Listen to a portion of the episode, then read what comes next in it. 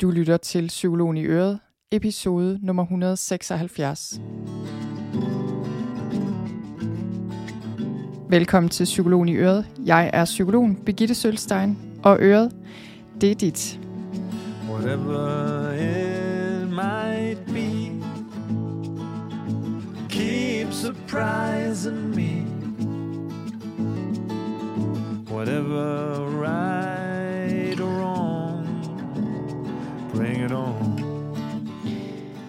Velkommen til den her episode, der handler om... Hvad handler den egentlig om? På en måde handler den om vægttab, men så alligevel ikke rigtigt, fordi det øh, er i princippet et emne, jeg nægter at udtale mig om, fordi jeg ikke synes, det er relevant overhovedet at fokusere på vægttab. Men det episoden egentlig handler om, er sundhed, og også hvad der skal til for at spise en god kost. Så øh, det jeg gerne vil give dig her egentlig, det er det eneste kostråd, du nogensinde har brug for at holde dig til. Jeg har egentlig overvejet at lave den her episode i 100 år, men det var ligesom om, jeg havde svært ved at få hul på det, fordi det er klart, det her emne om sundhed og vægttab og ting i den stil, det er jo et kæmpemæssigt emne, man bare kunne sige alt muligt om.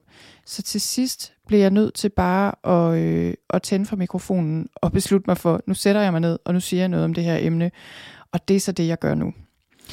Og øh, når jeg gør det, så er det faktisk også, fordi jeg har lovet det lidt.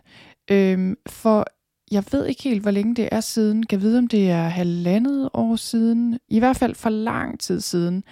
Der lavede jeg, jeg tror det var en podcast episode også, om det her med, når man ikke har det godt med sin krop, og om skønhedsidealer og ting og sager i den stil. Og noget af det, jeg fortalte på det tidspunkt, det var, at det var gået op for mig, at jeg havde det dårligt med min krop, og især med den ekstra vægt, jeg havde haft på, siden min yngste blev født, og det er nu 8 år siden, så altså det var en del år. Og det var ikke, fordi det var vildt mange ekstra kilo, men det var bare noget, jeg kunne mærke betød noget for måden, jeg havde det på med mig selv, og også måden, jeg havde det på fysisk. Og en ting, jeg kæmpede med, som jeg ikke rigtig havde kunnet løse hvis man kan sige det på den måde. Og det der med, hvad jeg havde lovet, det handler om, at på det tidspunkt øh, lavede jeg jo så den her podcast episode, og der er flere, der har spurgt ind til det siden, og nogen, der har spurgt mig, laver du ikke mere om det her med vægttab og sundhed, fordi jeg kender de her tanker og følelser, og hvordan bryder man den her ond cirkel. Så jeg har lovet det, og derfor siger jeg noget om det nu, inden der går 100 år igen. Det, der så er sket siden dengang, det er, at jeg har smidt de her kilo i et eller andet omfang. Jeg ved ikke helt, om jeg har nået en optimal vægt endnu. Måske ikke helt. Det finder jeg ud af. Men pointen med den her podcast-episode er også, at det her handler overhovedet ikke om vægt. Det handler om sundhed. Og jeg vil sige, at der hvor jeg knækkede koden til, hvordan jeg for alvor kunne begynde at smide de her ekstra kilo, det var, da jeg holdt op med at fokusere på at ville tabe mig. Og det lyder jo banalt på en måde, og jeg tænker jo, at det er sikkert noget, vi har hørt alle sammen, det her, at vi skal elske os selv, som vi er, og så videre. Men for mig var det også en idé, jeg havde i mit hoved, men jeg praktiserede den ikke sådan rigtigt, fordi sandheden var, at jeg havde det skidt med mig selv, og jeg var begyndt at skamme mig over min krop, og det jeg kunne se, det var, at det ligesom fik mig ind i en ond cirkel, hvor det faktisk betød, at jeg så levede usundt, eller ligesom fik endnu sværere ved at gøre de ting, der var gode for min krop, selvom det var det, jeg havde brug for. Og det, der så skete, det var faktisk, at jeg blev bevidst om det her for det første, at jeg faktisk havde det rigtig skidt med min krop. Så det handlede sådan om det, altså mit fysiske udseende, og at jeg synes, jeg havde svært ved at passe mit tøj, og på den måde. Men det handlede også rigtig meget om måden, jeg havde det på, når jeg lavede yoga, og jeg synes bare, jeg kunne mærke, at jeg ikke var i balance altså rent fysisk, at min krop ikke var i balance. Og det, der så skete, det var, at jeg havde en snak med en, jeg kender her for det her halvandet år siden cirka, og jeg snakkede om det her. Og hun sagde noget, som man måske kan sige, det virker måske lidt underligt, men jeg kender hende rigtig godt. Så kender I det? Man har folk i sit liv, der kender en rigtig godt, og som ligesom kan tillade sig at sige visse ting. Og hun er en af dem. Så hun sagde det lige ud. Hun sagde, hallo Birgitte, du bliver ikke yngre. Lige om lidt, så sidder de der kilo rigtig godt fast, og så er de altså super svære at komme af med. Du skal simpelthen se at få dem smidt nu. Og desuden er det ikke sundt at veje for meget, også selvom det bare er 10 kilo. For det første så blev jeg sådan lidt harm. Jeg tænkte sådan, okay, nu skal vi heller ikke i gang med at bodyshame, og du skal ikke sige til mig, at det er usundt, fordi jeg lever faktisk ret sundt, og det gjorde jeg, og det gør jeg, øh, spiser rimelig sundt, bevæger mig, øh, som jeg skal, vil jeg mene, måske ikke helt nok i løbet af min arbejdsdag, men jeg træner en del, og trænede også en del på det tidspunkt, jeg var ikke ude af form, spiste masser af sund mad. Problemet var bare, at jeg har altid været vant til at kunne spise hvad som helst, også halve eller hele kager og hele plade chokolader, hvis det er det, jeg har lyst til, uden at det betyder noget for min vægt. Også fordi, især før i tiden, der bevægede jeg mig en hel del. Problemet er så, at det har ændret sig. Mine kostvaner har ikke ændret sig, men øh, nogle af mine andre vaner har måske ændret sig, så det gør sig ikke gældende længere. Jeg kan ikke bare spise alt muligt uden at tage på af det. Og det jeg også kunne mærke, som var anderledes end for nogle få år siden, det var, at min krop var begyndt at brokke sig lidt over den her ekstra vægt. Jeg var sådan begyndt at få nogle lidt småskavanker og måder, hvor jeg tænkte, okay, det her, det går faktisk ud over mit helbred og mit velbefindende. Så det var sådan lidt et wake-up, også fordi jeg havde fortalt mig selv den her historie om, jeg kan jo altid smide de her kilo, fordi jeg taber mig nemt, og det gør jeg også normalt. Det jeg så fandt ud af, det var også, at jeg bliver nødt til at slutte fred med min krop, og jeg bliver nødt til at gøre det her ud af omsorg for mig selv. Og ikke fordi jeg hader mig selv og hader min krop. Og det var et vigtigt punkt at nå til. Og man kan sige, det vidste jeg også godt før i teorien og på papiret, og havde du spurgt mig som psykolog, og du ved, hvis jeg skulle sige det til nogen som helst anden, så havde jeg også sagt, det er vigtigt, du elsker dig selv, og din krop, som den er, ellers så kommer den ikke til at forandre sig, og du kommer ikke til at kunne gennemføre noget som helst. Men man kan ikke fake det her, så jeg tror, jeg prøvede at overbevise mig selv om, selvfølgelig rationelt, at det var sådan, jeg havde det, men det var ikke sådan, jeg havde det med min krop. Men jeg blev simpelthen nødt til at gøre det stykke arbejde, der handlede om at elske og acceptere min krop præcis, som den er og som den var, og være taknemmelig over for det, den kunne og kan. Jeg kan gå på mine ben. Jeg har fået børn. Alle de her ting, de her basale funktioner, som min krop sørger for dag ud og dag ind, uanset hvad. Så det var en proces i forhold til at blive mere taknemmelig over for min krop og sætte mere pris på den, i stedet for hele tiden at kritisere den og kun finde fejl. Og så handlede det også rigtig meget om kost, faktisk. Og det er her, det her kostråd kommer ind i billedet, fordi noget af det, der også gik op for mig, det var, at jeg bliver nødt til at ændre min kost, fordi jeg kan ikke blive ved med at leve, som jeg gjorde for 10 eller 20 år siden. Ting ændrer sig. Mine vaner har ændret sig, øh, mit bevægelsesmønster har ændret sig, min krop ændrer sig, fordi jeg bliver ældre. Jeg er snart 43. Og det vedkommende her, som gav mig lidt den her opsang i første omgang omkring, at jeg skulle tabe mig, det hun også sagde, det var, lad være med at spise noget efter klokken 19. Fordi det er der, kiloene sætter sig fast. Og det øh, må jeg sige, det har vist sig at være et super godt kostråd for mit vedkommende i forhold til stille og roligt at smide noget af den her overflødig vægt. Og jeg tænker, at for nogle af os, det her handler jo om at have en sund krop og en optimal vægt. En vægt, der passer til os. Så det her handler ikke om at veje så lidt som muligt. Der er undersøgelser, der tyder på, at folk med en vis BMI lever længere end folk, der er alt for tynde. Så det her handler ikke om at være tynd, men det handler om at have den vægt, der passer til din krop. Men det, det mest af alt handler om, det er jo, at når vi i alle vores bestræbelser på at blive sunde og veje det, vi gerne vil, og kan mærke, at vores krop har det bedst med, at vi gør det ud af omsorg for os selv. Så det vil også sige, at den mad, vi putter i munden, det gør vi ud af omsorg for vores krop. Og det var også noget, der ændrede sig for mig, fordi selvom jeg spiste sundt, generelt, så øh, var det også sådan, at når jeg så fik den idé, at jeg ville tabe mig, så gjorde jeg det på måder, hvor jeg pludselig for eksempel spiste en masse proteiner og ting og sager, som godt nok fik mig til at tabe mig rigtig hurtigt, men som måske ikke var en speciel sund måde at leve på, eller måske springe måltider over, eller hvad det nu kunne være. Ting, som i sig selv ikke var noget, jeg gjorde ud af omsorg for min krop, men var noget, jeg gjorde, fordi jeg ikke synes, den var god nok, og fordi jeg synes, jeg skulle tabe mig. Og det virkede ikke, det ved alle, men jeg vil også godt lige have lov at sige af egen personlig erfaring, det virker ikke, når man prøver at tabe sig ved at gå på slankekur, eller ligesom tabe sig meget hurtigt på den måde. Det giver en jojo-effekt, så man ender med at tage det på mindst lige så hurtigt og tage endnu mere på. Så det her med at ville tabe sig hurtigt at, at tabe sig for bare at smide vægten, og fordi man føler, man ikke er god nok, medmindre man vejer mindre. Det virker ikke.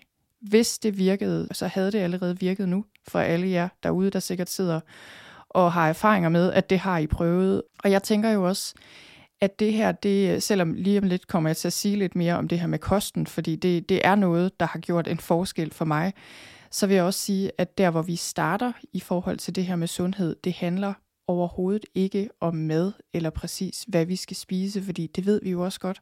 Vi skal spise groft og grønt. That's it. Altså, lad være med at spise noget, der ikke er levende eller har været levende. Lad være med at spise alle mulige tilsætningsstoffer. Lad være med at spise for meget sukker. Lad være med at spise for meget kød. Men altså, spise groft og grønt, det er virkelig ikke rocket science. Men det er jo slet ikke det, det handler om i første omgang. Det handler meget om den intention, vi har, når vi putter noget i munden.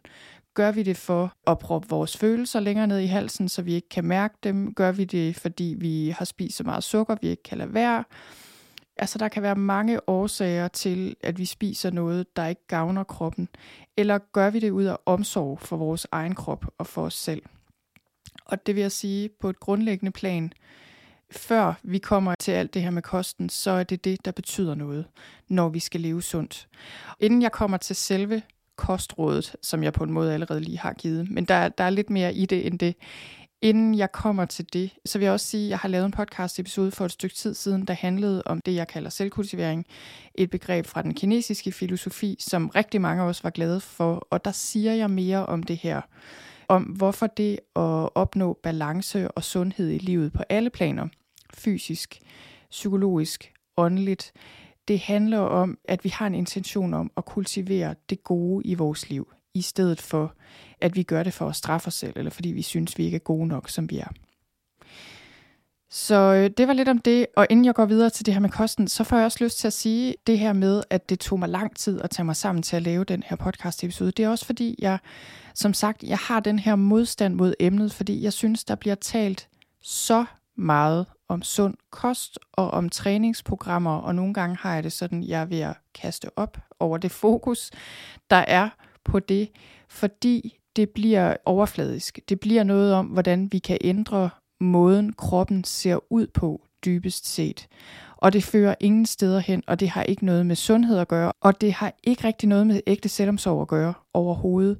Når vi kører på med de her sundhedsregimer og træningsprogrammer og ting og sager, så kan det godt blive en eller anden form for selvstraf i forklædning, føler jeg. Og det fører ingen steder hen.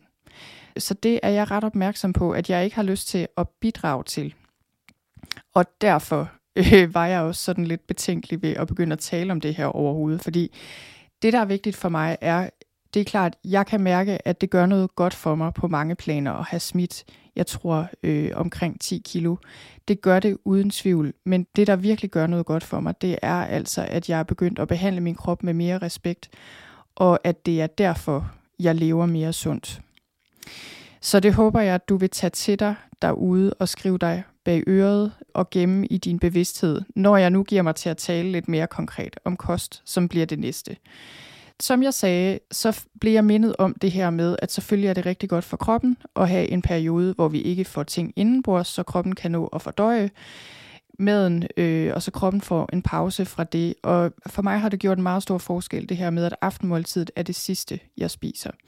Og det er det af flere årsager, og et af årsagerne er, at det var især om aftenen, jeg havde tendens til at rende ud i køleskabet og spise alt muligt, eller lige når jeg skulle handle ind, alligevel købe noget ekstra chokolade med, simpelthen bare fordi jeg blev mere restløs, øh, nogle gange var meget træt, og for mig har træthed og mangle energi også været en af grundene til, at jeg sådan har spist for meget, for mange hurtige kalorier, fordi min hjerne lige skulle have lidt mere energi i stedet for at hvile mig.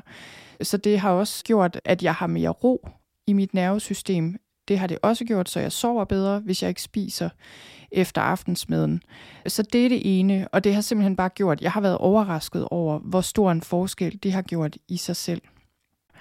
Noget andet, jeg har gjort, det er, jeg tror muligvis, jeg spiser nogenlunde det samme, som jeg plejer, men jeg har ændret øh, fordelingen af måltider på den måde, at jeg er begyndt at spise en meget større morgenmad.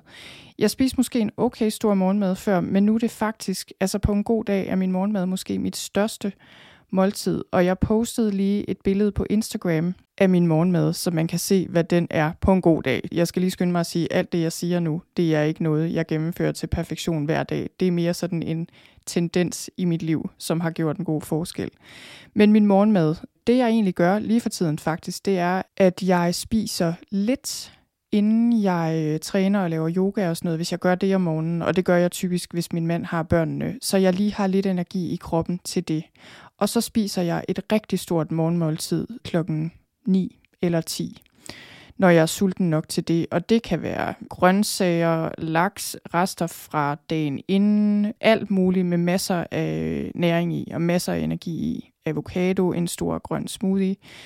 Jamen det er faktisk meget forskelligt, hvad jeg spiser til morgenmad. Men i hvert fald et ret så stort måltid, og nok det største, jeg spiser overhovedet. Og så spiser jeg typisk en frokost, som også er sådan okay stor, men lidt mindre. Og så, hvis alt går vel, en mindre aftensmad. Og igen, det er ikke altid alt går vel. Nogle gange spiser jeg også chokolade om eftermiddagen og et eller andet. Jeg ikke skulle have spist til aftensmad eller senere. Men fordi jeg så får spist så meget først på dagen, så er jeg naturligvis ikke så sulten senere på dagen. Og det kan jeg mærke for min krop, gør, at jeg bare er midt hele dagen, og at mit blodsukker er meget mere stabilt, så jeg har sådan en meget mere stabil energikurve. Og det er meget interessant, fordi jeg gik og fortalte mig selv før i tiden, jeg er typen, der har brug for at få små måltider hele tiden, fordi ellers bliver jeg træt. Det har vist sig ikke at være rigtigt. Det var simpelthen, fordi jeg ikke fik nok næring først på dagen. Og det jeg lige vil sige om mad her til sidst og kost generelt, det er, at jeg føler, at det selvfølgelig er en meget vigtig del af vores sundhed, vores fysiske sundhed, men også er en utrolig vigtig del af vores psykologiske trivsel. Og jeg tror, vi er forskellige her. Altså, jeg snakker nogle gange med min mand om det, fordi det virker som om, det ikke påvirker ham så super meget, hvad han spiser. Han lever egentlig også rimelig sundt. Men han er ikke lige så sensitiv, tror jeg, som jeg er i forhold til, hvad jeg spiser og hvornår. Så på den måde tænker jeg i hvert fald, at nogen af os, hvis du har en fornemmelse af, at det her er noget, der betyder noget for, hvordan du har det, så er det virkelig en ting, der kan gøre en verden til forskel. Ikke bare for din fysiske sundhed, men også for dit psykologiske velbefindende. Jeg kan sige, at mit nervesystem, det er ligesom bare i en helt anden tilstand, når jeg spiser sundt og varieret øh, og også bevæger mig, som jeg skal, end det er, hvis jeg ikke spiser nok, eller hvis jeg ikke spiser ordentligt, eller hvis jeg spiser for meget, eller spiser det forkerte. Så det er også på en måde en meget enkel og direkte vej til bedre psykologisk trivsel, det her med at begynde at spise sundere. Og jeg tænker, at hvis man vil have et enkelt, enkelt kostråd og holde det meget, meget enkelt til en start, så er det det her med, lad være med at spise noget efter 18, og sørg så til gengæld for at få god næring indtil da. Og hvis man sådan vil udvide det en lille smule, så kan man gøre det her, som jeg gør. Der er også sådan en sætning, man siger, der siger, spis morgenmad som en konge, frokost som en greve, aftensmad som en tigger. Altså, at dit morgenmåltid er det største, frokosten lidt mindre, aftensmaden endnu mindre, og spiser ellers grønt og groft. Jeg tænker, at det var simpelthen min øh, kostguide og alle mine kostanbefalinger samlet. Så det håber jeg, at du kunne bruge til noget. Og jeg håber, du vil bruge det her som anledning, hvis du også er et sted, hvor du øh, kæmper enten med dit helbred eller med din vægt, eller på en eller anden måde kan mærke, at din krop har brug for noget omsorg og for at komme mere i balance, så håber jeg, at du vil bruge det her som anledning til at stille dig foran spejlet og kigge på din krop, have en samtale med den og med dig selv, hvor du beslutter dig for, at fra nu af, så vil du drage omsorg for din krop og det du gør, ændre dine kostvaner, bevæge dig mere, hvad det end er, det gør du ud af omsorg for dig selv, fordi du holder af dig selv, og fordi du holder af din krop og sætter pris på din krop, som den er nu. Så på den måde handler det her ikke om, at du skal ændre dig, og at du ikke er god nok, som du er. Det handler om, at du fortjener at drage omsorg over for dig selv. Og de dage, hvor det ikke lykkedes, fred være med dem, tilgiv dig selv. Det er også en del af det. Det er det for os alle sammen. Jeg har siddet fast i årvis. Det er vi mange, der gør på alle mulige områder af livet. Det er så normalt, og tit er det det, der skal til, for at vi til sidst bliver så lede og kede af en eller anden situation, at vi får motivationen til at ændre den. Og det kan vi altså kun, når det gælder vores sundhed, hvis vi gør det ud af omsorg for os selv. Og nu føler jeg, at jeg har sagt den samme sætning 10 gange i træk, men det er fordi, jeg virkelig mener det, og jeg håber, at det er det, du vil huske efter den her episode. Og så vil jeg ellers bare sige tusind tak, fordi du lyttede med.